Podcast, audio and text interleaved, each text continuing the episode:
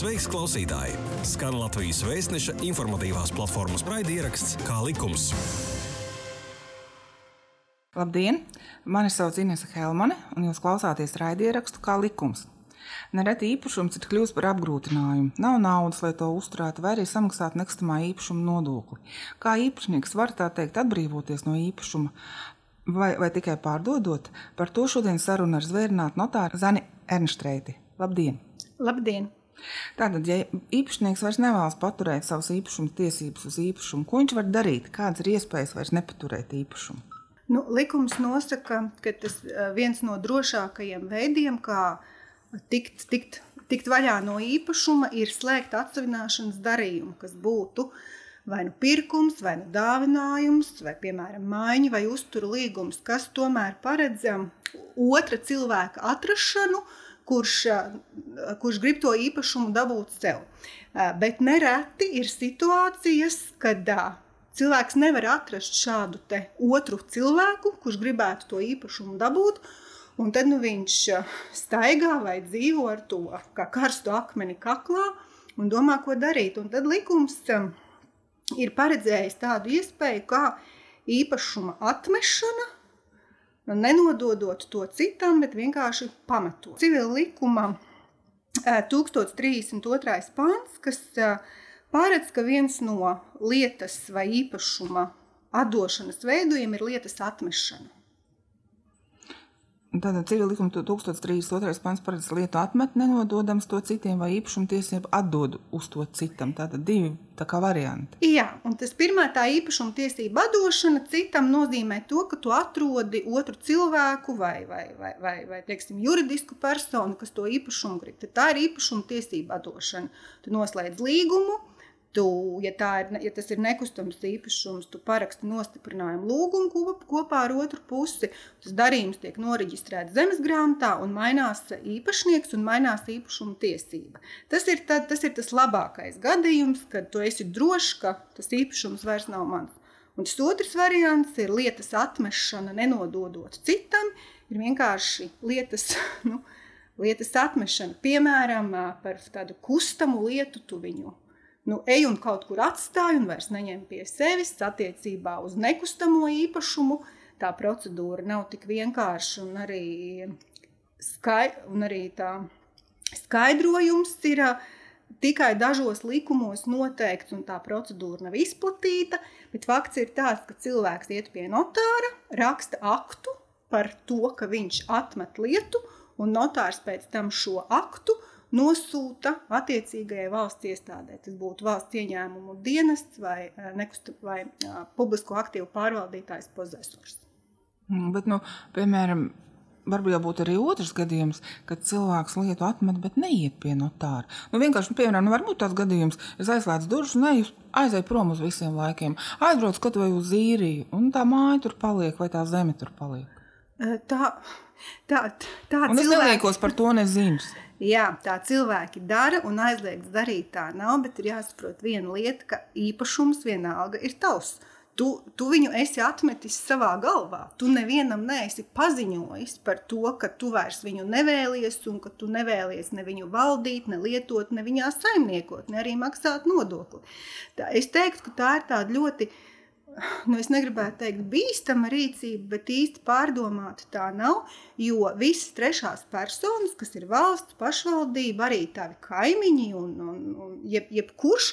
Uzskatīs, ka tā ir tava lieta, un tā tas arī ir. Jo kamēr tu esi iereģistrēts zemes grāmatā kā nekustamā īpašuma īpašnieks, tikmēr tu tāds esi. Un tu vari aizslēgt durvis, vai tu vari nodedzināt kaut ko, bet tas nemainīs to, ka tas ir tavs īpašums. Jā, bet ja vispār runājam par īpašumiem, nu, ko pieņemsim, atmet. Kas tie var būt?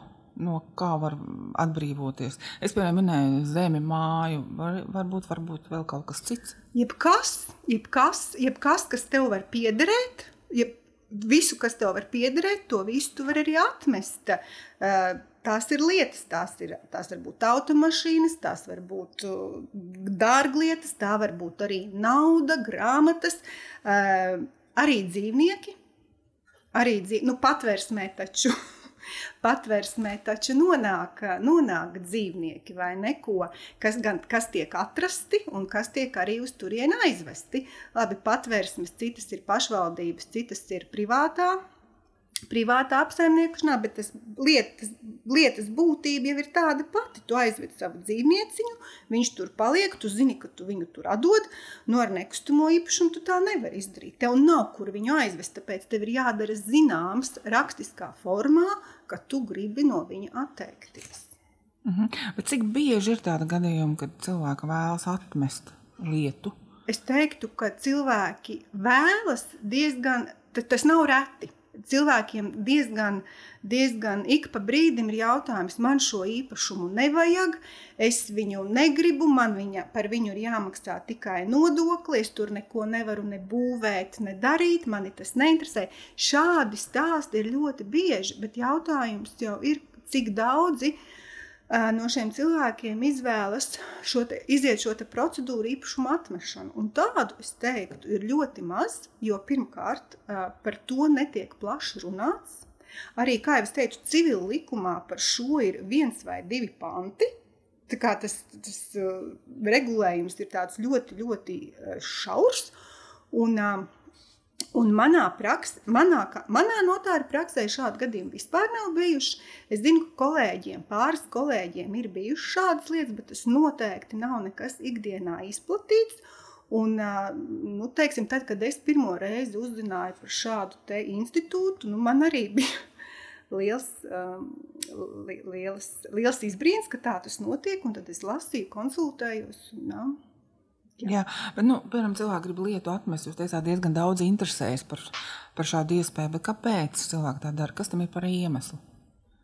Ir kā no loģikas viedokļa, nu, ja, viņš, ja viņam ir īpašums, tad viņš varētu to īpašumu par viņu gādāt, rūpēties. Tas, tomēr ir tāda vērtība.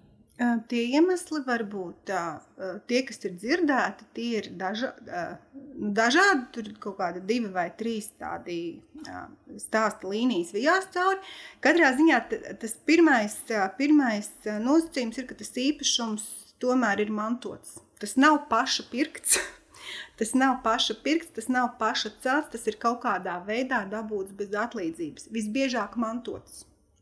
Citreiz tās ir no vecmāmiņām, vectētiņiem mantotas zemes ārpus pilsētas, tālu no, tālu no dzīves vietas, kas ir piemēram meža lauksaimniecības zeme, ko, par kuru ir jāmaksā nodokļi, nekustamā īpašuma nodoklis, kas ir arī jāapsaimnieko, mežs ir jācērt, par to ir jārūpējās, viņš ir jāstāda no jauna, lauki ir jāpļauj, grāvmalas ir jātīra, ja tu to nedari tev var piemērot sodu. Respektīvi, šie īpašumi rada izdevumus, bet viņi nerada nekādu ienākumu. Vai, respektīvi, cilvēks nu, nevēlas neko darīt. Viņš nevēlas ne saimniekot, ne, nebūt lauksaimnieks, nebūt meža saimnieks. Viņš saka, man tie ir vieni izdevumi. Un, un to jau var saprast. Un tad, um, Tas ir viens variants. Otrs variants ir, ka cilvēki aizbrauc no Latvijas, un viņiem arī vairs, vairs, vairs, vairs neko, viņi negrib būt saistīti, viņi cenšas atbrīvoties no īpašumiem. Un tad atbrīvoties no dzīvokļiem, no mājām, no zemes, uz kuras var veikt būvniecību, protams, ir vieglāk, jo tu vienmēr tomēr vari atrast pircēju. Jautājums, vai tevi apmierina cena?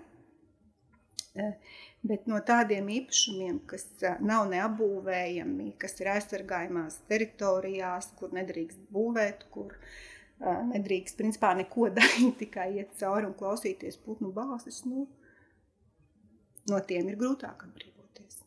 Jā, nu jūs sākumā ieminējāties, kā tas ir, ka cilvēkam jāiet pie notāra, lai viņš atmestu lietu. Bet varbūt jūs varētu izstāstīt nu, to procesu, Tātad nu, cilvēks ir godīgs, viņš negrib tikai aizslēgt durvis un aiziet nezināmā virzienā, lai māja paliek, bet viņš grib nokārtot lietu, varbūt, lai viņš to īpašumu atmestu. Kā tas praktiski notiek? Nu, tas, ko cilvēkam, tad cilvēkam jānāk pie notāra ar tad īpašumam, lai īpašumu varētu atmest, viņam tomēr ir jābūt ierakstītam zemes grāmatā.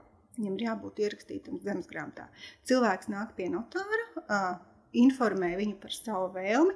Notārs pārbauda tas, ko notārs dara. Viņš sāk ar zemes grāmatas datu pārbaudu, vai tur nav kaut kādi aprobežojumi, apgrūtinājumi, kas kavētu īpašuma tiesību maiņu, respektīvi ķīlas, piedziņas, maksāt nespējas atzīmes, kaut, kas tāds, kas ir par šķērsli, par šķērsli vai kavē īpašumu nodošanu. Ja īpašumam nav nekādu apgrūtinājumu, ja viņš ir nu, mūsu valodā sakot tīrs un, un, un, un, un uh, viņš varētu, piemēram, tikt arī pārdots, tad cilvēks, tad, not, tad notārs raksta, raksta apliecinājumu aktu par to, ka uh, persona tāda un tāda atmet šo savu īpašumu īpašuma nosaukums, kadastra numurs, kur viņš ir reģistrēts, apraksta, ka uh, ir pārbaudīta zemes grāmata, ka nav nekāda aprobežojuma vai šķērsli, kas uh, būtu nu, iemesls, lai īpašuma tiesības netiktu pārņemtas. Cilvēks samaksā savu noteikto taksi un lūdzu notāram šo dokumentu nosūtīt uz valsts ieņēmumu dienestam, ko arī notārs izdara.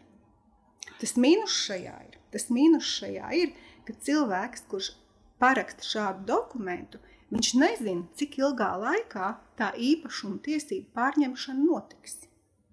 Tas ir tas, ko es sākumā minēju, ka tad, kad tev ir otrs cilvēks pretī un tu slēdz divpusēju darījumu, tu zini, mēs parakstām, tiks samaksātas nodevas, tiks iesniegta dokumenti zemes grāmatā, vēlākais mēneša laikā es nebūšu īpašnieks. Šeit tu to nezini, un tu esi īpašnieks tik ilgi, kamēr valsts nenoreģistrē īpašumu, zemes grāmatā uz sava vārda. Un cik ilgā laikā valstī tas ir jāizdara?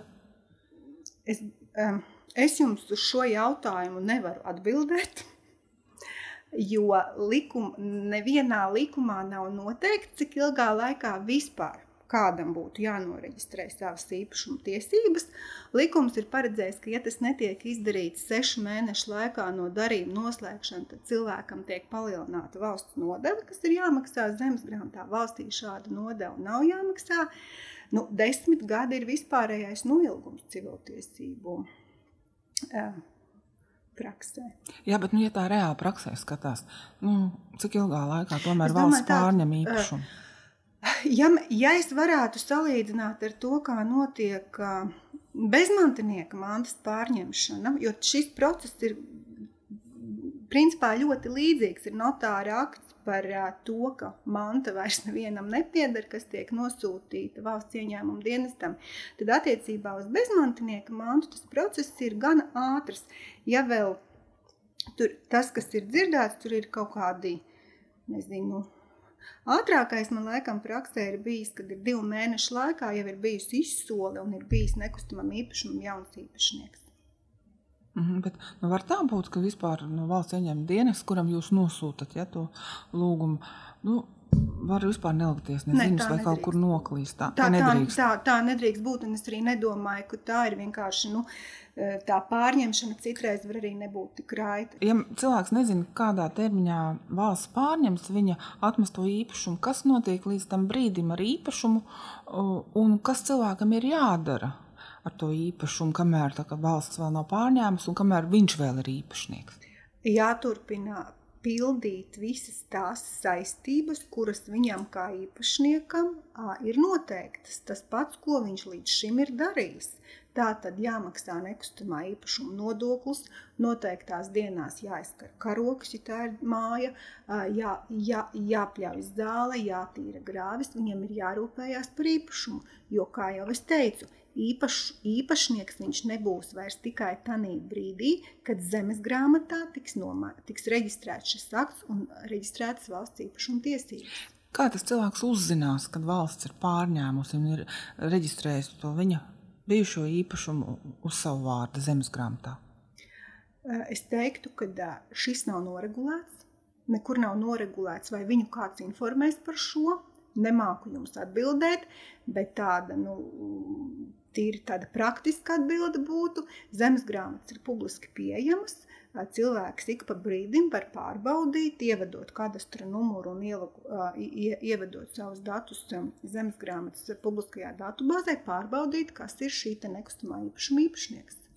Bet, nu, tomēr, lai būtu ērtāks šis process, manuprāt, būtu jānosaka termiņš, kādā valstī būtu jāpārņem tā atmestā lieta. Jā, es jums piekrītu, un arī tas skaidrojums un regulējums par to, ka, kurā brīdī kas notiek, ko dara notārs, ka, kādu dokumentu viņš raksta, kāda ir atpakaļ saikne no valsts ieņēmuma dienas par to, ko viņi ir izdarījuši. Jā, tas, tas būtu apsveicami, ja tas būtu uh, ieviests, uh, ieviests un noteikts likumā. Kā likums? Kā likums? Jā, tu klausies Latvijas Vēstneša informatīvās platformas raidierakstu Kā likums. Jūs teicāt, ka viens no priekšnoteikumiem ir tas, ka īpašumam ir jābūt reģistrētam zemes grāmatā, lai to atmestu. Kas notiek tad, ja nav īpašums reģistrēts zemes grāmatā? Tad to nevar atmest, bet varbūt kaut kas ir jādara. Jāiereģistrē zemes grāmatā. Jāsakārto īpašuma tiesības un jāiereģistrē zemes grāmatā. Jā. Vēl otrs, ka, kad nevarēja atmest, bija ķīlas vai kredīta saistības. Nu, tāpēc, ka valsts nepārņems īpašumu, kas ir apgrūtināts ar, ar ķīlas un kredīta saistībām, nu, bet, protams. Mm -hmm. Un tad arī tas šis, šis jautājums ir jānokārto īpašniekam. Protams, viņam, ja, tur ir, ja tur ir kādas kreditoru saistības, tad īpašniekam ir jānoreģ, jānorēķinās ar kreditoriem, vai arī, ja viņam, piemēram, nav šo finanšu līdzekļu, lai to saistību izpildītu, tad viens no risinājumiem, kā, kā nošaut divus zaķus reizē, būtu vienoties ar kreditoru par to, ka ar finanšu līdzekļiem es norēķināties nevaru, bet vai tu lūdzu nevēlies dabūt šo manu īpašumu kā saistību izpildi? Arī tāds variants ir iespējams. Uh mhm. -huh. Bet tad ir jāpiekrīt. Tad, protams, kreditoram ir jāpiekrīt, ka jā, tu man naudas vietā es paņemu tavu īpašumu. Jā, bet tad jau tā nebūtu tā kā atmešana. Tā nebūtu atmešana, jā. bet tas būtu. Jā, tā atmešana nav, bet jautājums jau mums ir par to, kā tikt vaļā kā no īpašuma. Tikt, kā tikt vaļā no īpašuma, ko es nevēlos. Jā. Mhm. Bet varbūt kaut kādas situācijas, kad valsts saka, nē, viņi nepieņems to īpašumu. Bet, nu, vai, piemēram, jūs teicāt arī, ka tie var būt kustamie līdzekļi, kā piemēram dzīvnieki, mašīna. Nu, likumā nav noteikts, ka valsts varētu nepie, ne, nepieņemt šādu mantu. Mhm, tad, tad visu, ko es atmetīšu likumīgā ceļā, valstī ir jāpieņem. Viņiem būtu jāpieņem. Jā. Mhm. Viena lieta, ko jūs teicāt, ka pārsvarā atmet mantotu īpašumu. Bet, piemēram, vai at, piemēram, manto, manto piemēram, zemi, māju, nu vēl kaut kādu naudu. Ja? Kādā gadījumā viņi atmet to mantoto? Jūs teicāt, nu, ka tas rada izdevumus un ka neapsaimnieko, bet varbūt arī tā, ka kaut ko no mantotā grib paturēt un kaut ko atmest. Ir tādas situācijas, un kādas tās ir? Nu, e, es jau arī par šādām situācijām biju domājusi, jo, jo mantojuma lietās princips ir tāds, ja tie ir likumiskie mantinieki un ja nav atstāts testaments vai mantojuma līgums, tad mantinieks, kurš pieņem mantojumu, manto visu, kas mirušajam piederēja. Gan to mantu, par kuru viņam ir zināms, ka tāda pieder, gan arī, diemžēl, par to mantu, par kuru mantiniekam nav zināms, ka tāda ir. Un praksē tomēr ir ļoti bieži gadījumi, kad kārtojot mantojuma lietas un pārbaudot um, valsts, valsts reģistrus, tiek atklāts, ka mirušajai personai ir nekustamie īpašumi, kas nav reģistrēti zemes grāmatā. Un par šādiem mantinieks, protams, neko nav zinājis. Viņš saka, man viņu nevajag, bet šeit nav izvēles iespēja. Ja tu esi parakstījis iesniegumu par mantojumu pieņemšanu, tu mantosi gan to dzīvokli, kurā tu dzīvo un kuru tu gribi, gan arī to zemes gabalu tālu, tālu prom Mm, Latvijas nezinu, laukos, kur tu nevari aizbraukt vai negribi aizbraukt, arī to tu mantosi. Ko ar viņu pēc tam darīt? Vislabākais variants jau, protams, ir meklēt kaimiņus, kas varbūt grib nopirkt un paplašināt savas robežas, mēģināt piedāvāt pašvaldībai, ja tas ir tāds īpašums, kas varētu būt noderīgs, lai pašvaldība varētu pildīt savas funkcijas, piemēram, dzīvokļi dzīvokļi, tur ir sociālās, sociālās mājas, sociālā funkcija, kas var tikt izremontēta vai izīrēta. Nu, nu. Nu, Tātad atmest īpašumu var arī pašvaldībai? Atmest, nē. Nevar. At, tas atmešanas akts tomēr ir tas vienpusējais. Es atmetu, un tad tas pāriet valstī. Mm. Ar pašvaldību var mēģināt runāt, klau, man ir, varbūt, ka jūs vēlaties no manis nopirkt vai pieņemt dāvinājumā. Mhm, Tad, Un tad atmest pašvald- var tikai valsts. Atmest, atmest var tikai valstī, jo tas, jo, tā atme, jo tas atmešanas akts nozīmē to, ka tā kļūst par bezīpašnieka mantu, un bezīpašnieka manta piekrīt valstī. Mhm. Bet kā pašvaldība var ieinteresēt, pārņemt to īpašumu? Kaut vai par 0 eiro vai, vai atdāvināt, vai kā. Ja pašvaldībai, piemēram, ir vajadzīgs kā nu, dzīvoklis, nu, kāda var būt pašvaldības interese? Nu, tomēr pārņemt to īpašumu, kur, no kura grib uh, atbrīvoties. Nu, pašvaldības funkciju veikšana, es teiktu tā, jo pašvaldībai jau uh, iespējams, ka viņiem ir vajadzīgs, nezinu, sporta laukuma būvniecībai zeme. Nu, pieņemsim, vai rotaļu laukumam, vai, um, nezinu, jaunu biblioteku ceļu. Šobrīd ir Tas jau ir atkarīgs no tā, cik pati pašvaldība ir aktīva tajā, ko viņa dara, kā viņa nodrošina tās savas funkcijas. Un, jā, Un, piemēram, nu, kaimiņam ir interese par, par māju vai par zemi, bet viņam nav naudas. Kā es viņam varu atdot? Un tā kā vei, tādā veidā es no īpašuma atbrīvojos. ā, ja kaimiņam var, ā, nu ne tikai kaimiņam, ja nav naudas, tad ā, viens no variantiem ir slēgt dāvinājumu līgumu, bet ir jārēķinās ar to, ka dāvinājumu līgums svešai personai, tas nodoklis, kas tiks samaksāts gan ā, zemes grāmatā, kā nodeva zemes grāmatā, gan arī iedzīvotāja ienākuma nodoklis par to, ka tu dabū mantu no svešas personas, ir gana augsts. Līdz ar to es teiktu, likums atļauj slēgt tā, līgumus, pirkumu par simbolisku samaksu. Nu, tad tas ir viens eiro. Ir likums nosaka, ka ir tādi draudzības pirkuma līgumi, kas nosaka, ka jā, tie ir pirkuma līgumi, bet tā pirkuma maksa ir noteikta zemāka nekā tirgus cena vai pat arī kadastrālā vērtība. Tā iemesla dēļ, ka starp pusēm ir kaut kādas īpašas attiecības. Nu, tātad viena eiro nevar. Tad ir zemākais ir kadastrālā Nē, vērtība. ja? var, nē, nē, nē. eh, Zem kadastrālās. Pirkuma, ma jā, Mhm. pirkuma maksa var tikt noteikta arī zemāka par kadastrālo vērtību. Nav aizliegts noteikt arī pirkuma maksu vienu eiro, ja tas ir, ja tas, ir tas īstais darījums, kā cilvēki ir vienojušies. Viņi nedrīkst, tā, tā pirkuma maksa nedrīkst tik noteikti zemāka, lai izvairītos no nodokļu samaksas vai lai apietu kaut ko tādu. Bet, ja tas ir viņu darījums, tā viņi ir lēmuši, tad tā maksu nosaka līdzēji. Mhm. Bet, ja īpašumam ir parādi, piemēram, čīls, iečīlāts vai kredīti, kā tad es varu tam kaimiņam atdot to īpašumu? Nu, parā, ar parādiem jūs neatdodat. ar parādiem Bet, ir, bet tas kaimiņš ir mieru ņemt par visiem maniem parādiem. Ja, eh, tad ir jāskatās, kas tie ir par parādiem. Ja tas ir parāds par nekustamā īpašuma nodokli, tad viņš nedrīkst būt. Tam ir jābūt nomaksātam. Mhm. Ja tas ir parāds, ja tur ir kāds kreditors uzlicis ā, īpašumam atsevināšanas aizliegumu vai, vai ķīlas atzīmi dēļ tā, kad ir parāds, tad, ja šie cilvēki vienojas ar šo kreditoru par to, kā turpmāk tiks pildīta saistība, ka to saistību pārņem šis jaunais īpašnieks, un ja šis kreditors tam piekrīt, tad darījums var tikt slēgts. Mhm. Un kam ir jāsadz izmaksas šajā, šādos gadījumos? Nu, ja es vienojos ar kaimiņu vai es vienojos ar kreditoru, nu, jeb kā puses vienojās. Tas ir, tas ir kā puses vienojas. Parasti, ā, parasti, izmaksas, sēd- parasti izmaksas sedz īpašuma ieguvējs, bet, diezga, bet ir arī gadījumi, kad izmaksas sēdz tā, tā puse, kura ir ieinteresēta vairāk darījumu noslēgšanā. Tad, piemēram, ja tas pārdeva, tas īpašnieks ir vairāk ieinteresēts atbrīvoties no īpašuma, viņš var teikt, klau, bet es tev nāku pretī, es vēl samaksāju arī to. Bet tā ir pušu brīva griba. Tas nekur nav noteikts, kurš sēdz. Jūs teicāt, ka tātad valsts ieņem dienas pārņem. Viss kā nu, šajā gadījumā at, atmest to lietu, vai viņi kļūst par bezīpašnieka vai nu, bezmantinieka mantu. Kas notiek tālāk? Vai notiek līdzīgi, tiek rīkot izsoli, kā atsavinot bezmantinieka mantu? Tur Kā valsts rīkojas? Va, nu, valsts, jau, valsts jau ar savu īpašumu var rīkoties, var rīkoties tikai tā, kā likums nosaka. Viņi var rīkot izsoles un pārdot īpašumus izsolēs, ja viņi viņiem nav vajadzīgi. Jā. Mhm.